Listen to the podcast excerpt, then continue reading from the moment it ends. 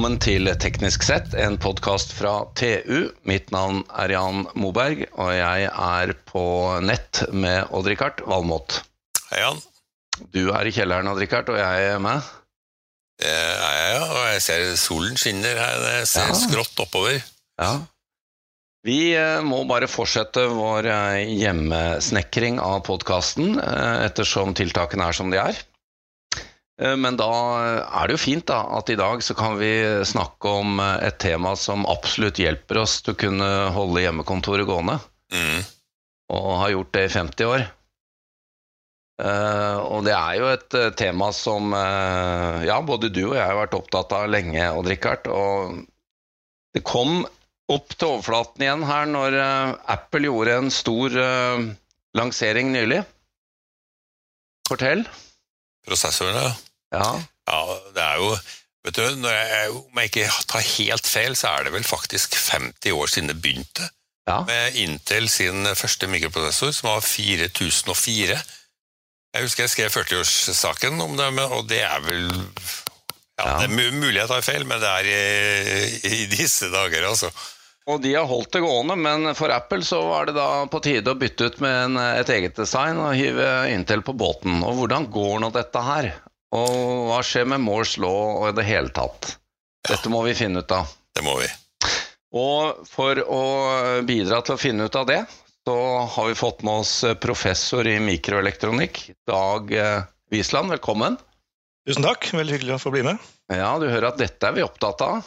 Og eh, her er det mye å snakke om, men først så må vi bare spørre deg eh, Hvorfor eh, er eh, det Apple har gjort, imponerende nå med denne M1-prosessoren?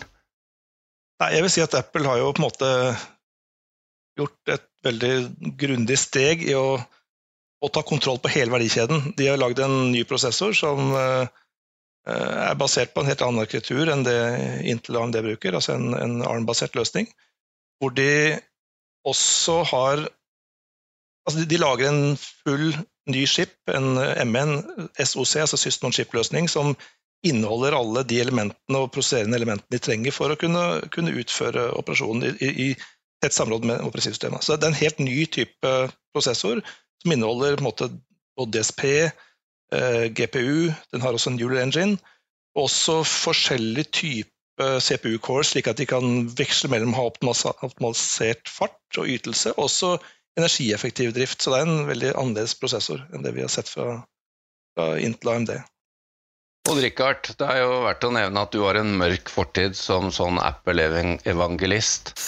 Og, det var jeg. og, og da var det ikke måte på. Eh, Og du har jo sett alle disse skiftene Apple har gjort opp igjennom på prosessorsiden. Det er jo ikke få. Nei, det er ikke få. Det er, dette er faktisk skift nummer fire. Altså, de begynte jo på 68 000-plattformen med Mac-en. da. De hadde, jo, de hadde jo en annen prosessorgenerasjon før det. Og så bytta de til eh, Det var en SISK-plattform. Så bytta de til eh, RISK sammen med Motorola og IBM, PowerPC. Og så ble det ikke noe futt i det, og så bytta de til Intel. Og så ble det veldig futt en periode, og så ser det ut som, for meg i hvert fall, og sikkert også for Apple, at det der Intel-greiene er i ferd med å tape fart. Og hva er da mer naturlig enn å gå tilbake til RISK igjen, når de har holdt denne prosessoren ordentlig levende på, på iPhone? Dag, nå, nå har Odd Rikard introdusert det, RISK og SISK. Kan du ta en kjapp eh, oppsummering for oss? Ja, jeg kan ta en kjapp intro til det. Nei, SISK er jo vel den arkitekturen vi kjenner best gjennom X86, altså fra Intel 4004 og oppover, så har det stort sett vært SISK. Det står for eh, Complex Instruction Set Computer. og Det betyr at du, du, har ganske, du støtter ganske komplekse operasjoner ned mot prosessoren. og Mm. Bakgrunnen var for å, for å gjøre gapet mellom eh, egentlig programmeringsspråk og prosessorspråk mindre. Og så har du RISK, som er såkalt Reduced Instruction Set Computers, hvor man har færre instruksjoner, og man jobber på registre istedenfor direkte på minnet, f.eks. Og så har du også fikst, altså du har et, eh, et eh, ja, låst, låst størrelse på eh, instruksjonene i forhold til SISK, som har variabel størrelse.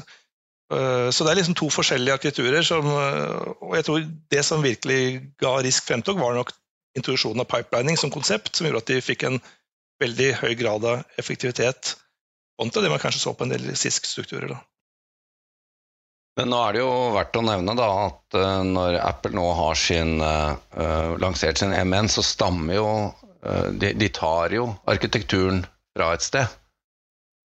Ja, altså Apple er jo en riskbasert løsning som er basert på ARM-løsning. Altså den siste generasjonen ARM som de har Det er kanskje der ARM muliggjør jo en mye større grad av, av tilpasning og skreddersøm fordi dette er en lisensiert plattform som man kan ta inn, man kan modifisere den og man kan tilpasse den til sitt eget system i en, en samme brikke. Da. Mens på Intel så er det prisgitt den chipen som blir levert. og Det er en fundamental forskjell. Det betyr at Forretningsmodellen er litt forskjellig på Intel og ARM.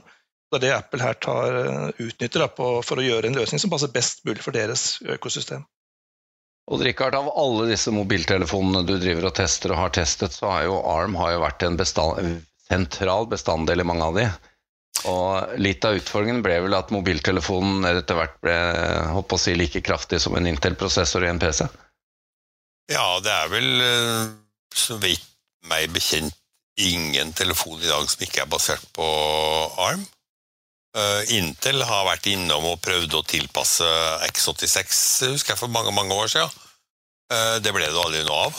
Uh, de hadde jo faktisk sin egen ARM-versjon også men som, de, som de måtte kaste over bordet. Men de er jo enerådende i dag. Det er jo et fantastisk selskap, men de, la, de lager jo ikke noe silisium selv. De bare lager design, og så lisensierer det ut. Men det må vel også sies at Apple Veldig mye egenutvikla Apple på, som ligger oppå denne basisarkitekturen. Så det er ikke hvilken som helst arm vi snakker om. Selv om kjernen er det. Men uh, Dag, det, dette virker jo uh, Vi har jo hørt om det en stund. Uh, Intels trøbbel. Og nå har de byttet toppsjef, og det har de vel gjort et par ganger. Mm. Dette med at Apple nå kom og lagde sitt eget design med denne MN-prosessoren, gjør det jo enda mer aktuelt. Hva, hva ser du for deg? Er, er, løpet kjørt for Intel? Altså, de har jo fortsatt stor markedsandel.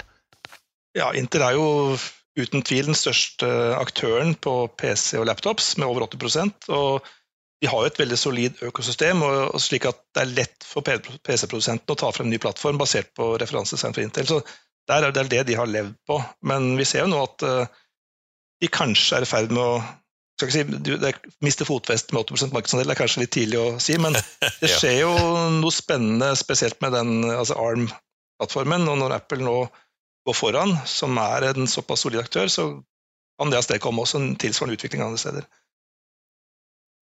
Det, det, tror jeg absolutt du har rett i, for jeg tror de aller fleste PC-produsentene nå begynner å se seg om etter alternativer, altså på ARM-sida, men også på AMD-sida, som er en X86-arkitektur. da.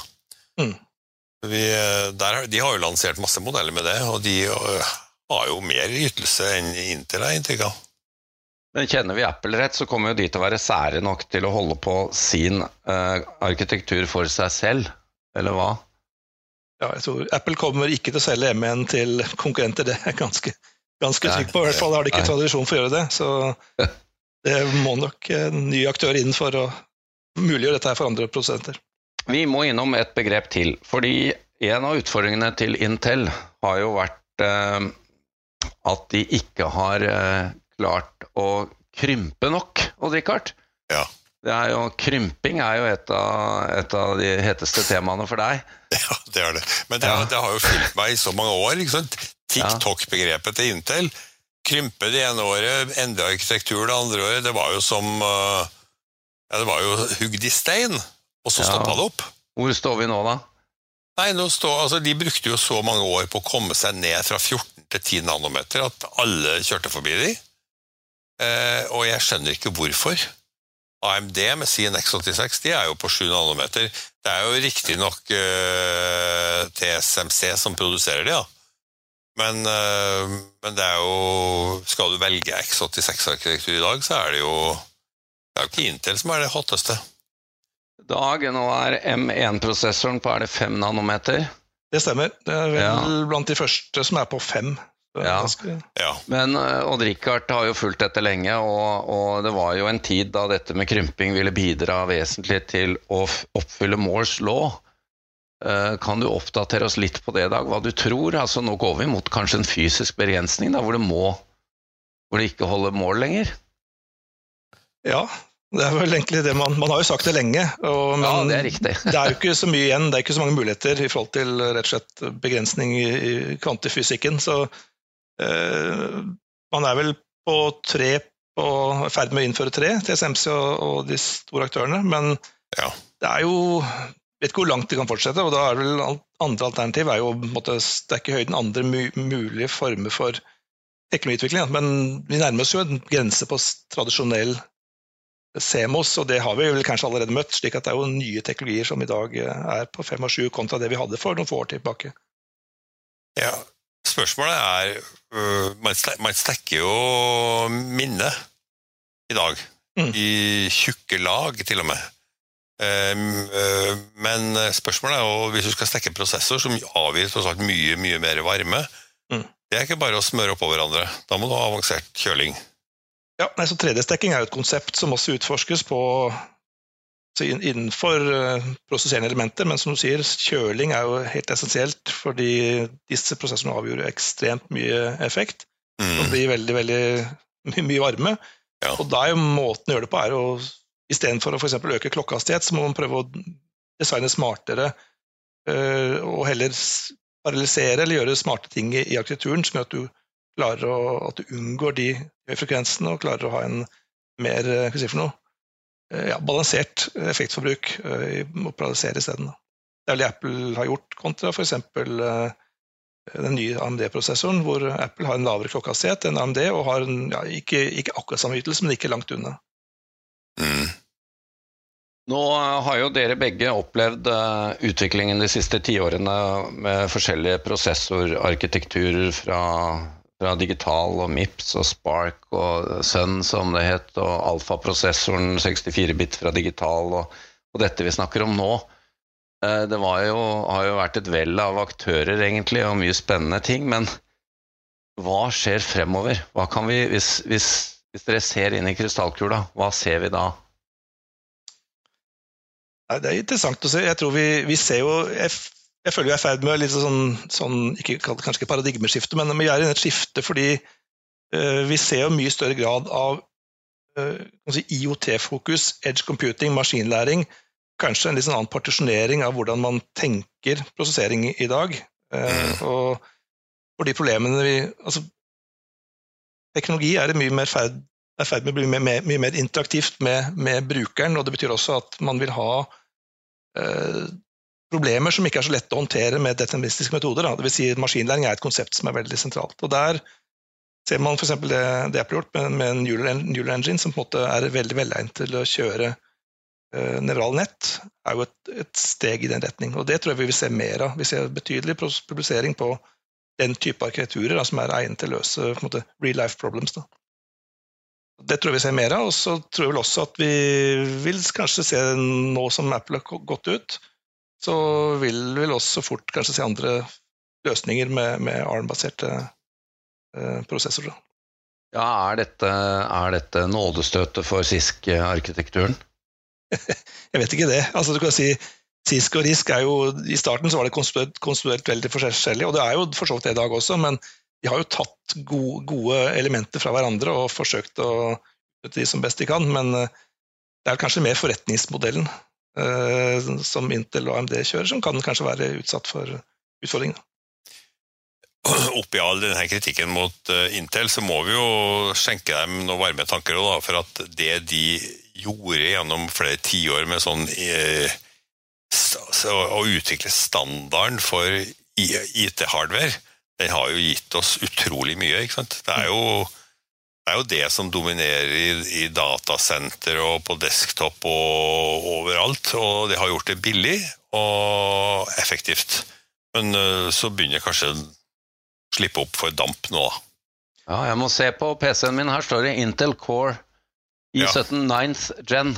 Niende generasjon. Jeg har bare åttende generasjon igjen. det er trist. Nå er jeg i butikken. Nå må du i butikken. Ja.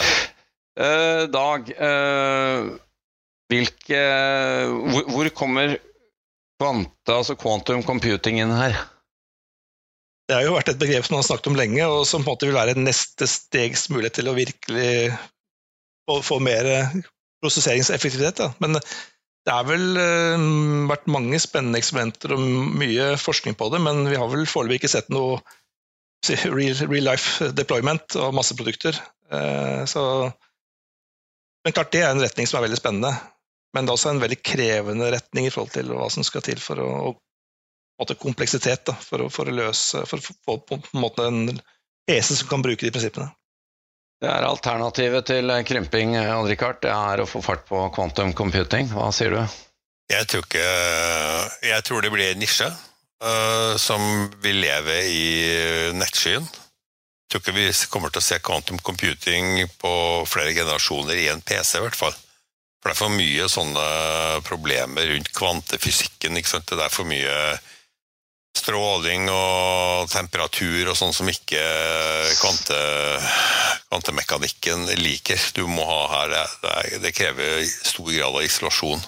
Mangel på stabilitet, ja. ja. Um, Dag, avslutningsvis, og Richard har lovt at han skal um, spise headsetet sitt hvis man kommer ned til en halv nanometer i krymping. Hva sier du? Det spørs hvordan du regner nanometer. Jeg, jeg ser ikke bort fra at han må spise headsetet på et vis, men det spørs helt hvordan du regner. fordi, fordi det, vi, det, vi, ser i dag, altså 3 nanometer i dag, er jo egentlig ikke samme ty, eksakt samme type prosess som, som f.eks. en 90 nanometer var. Så, eh, det kan vel hende vi ser det, men på, i en litt annen form. Da. Men vi er jo farlig for nær en grense, så det blir en definisjonssak om du må spise headsetet eller ikke, kanskje. Jeg går ikke og kjøper meg ketsjup til headsetet mitt ennå, i hvert fall. Jeg er ganske trygg i mange år. Ja, ja, det skal du være sikker på at jeg skal spandere, Odd Rikard. Det vil jeg tro. Uh, vi, uh, her, vi, skjønner jo det at her kommer det til å skje mye, og vi får jo bare følge med. Og uh, spennende er det uansett. takk til deg, Dag Wisland, professor i mikroelektronikk. Takk til Odd-Rikard Valmot. Takk til vår produsent Sebastian Hagemo. Og mitt navn er Jan Moberg.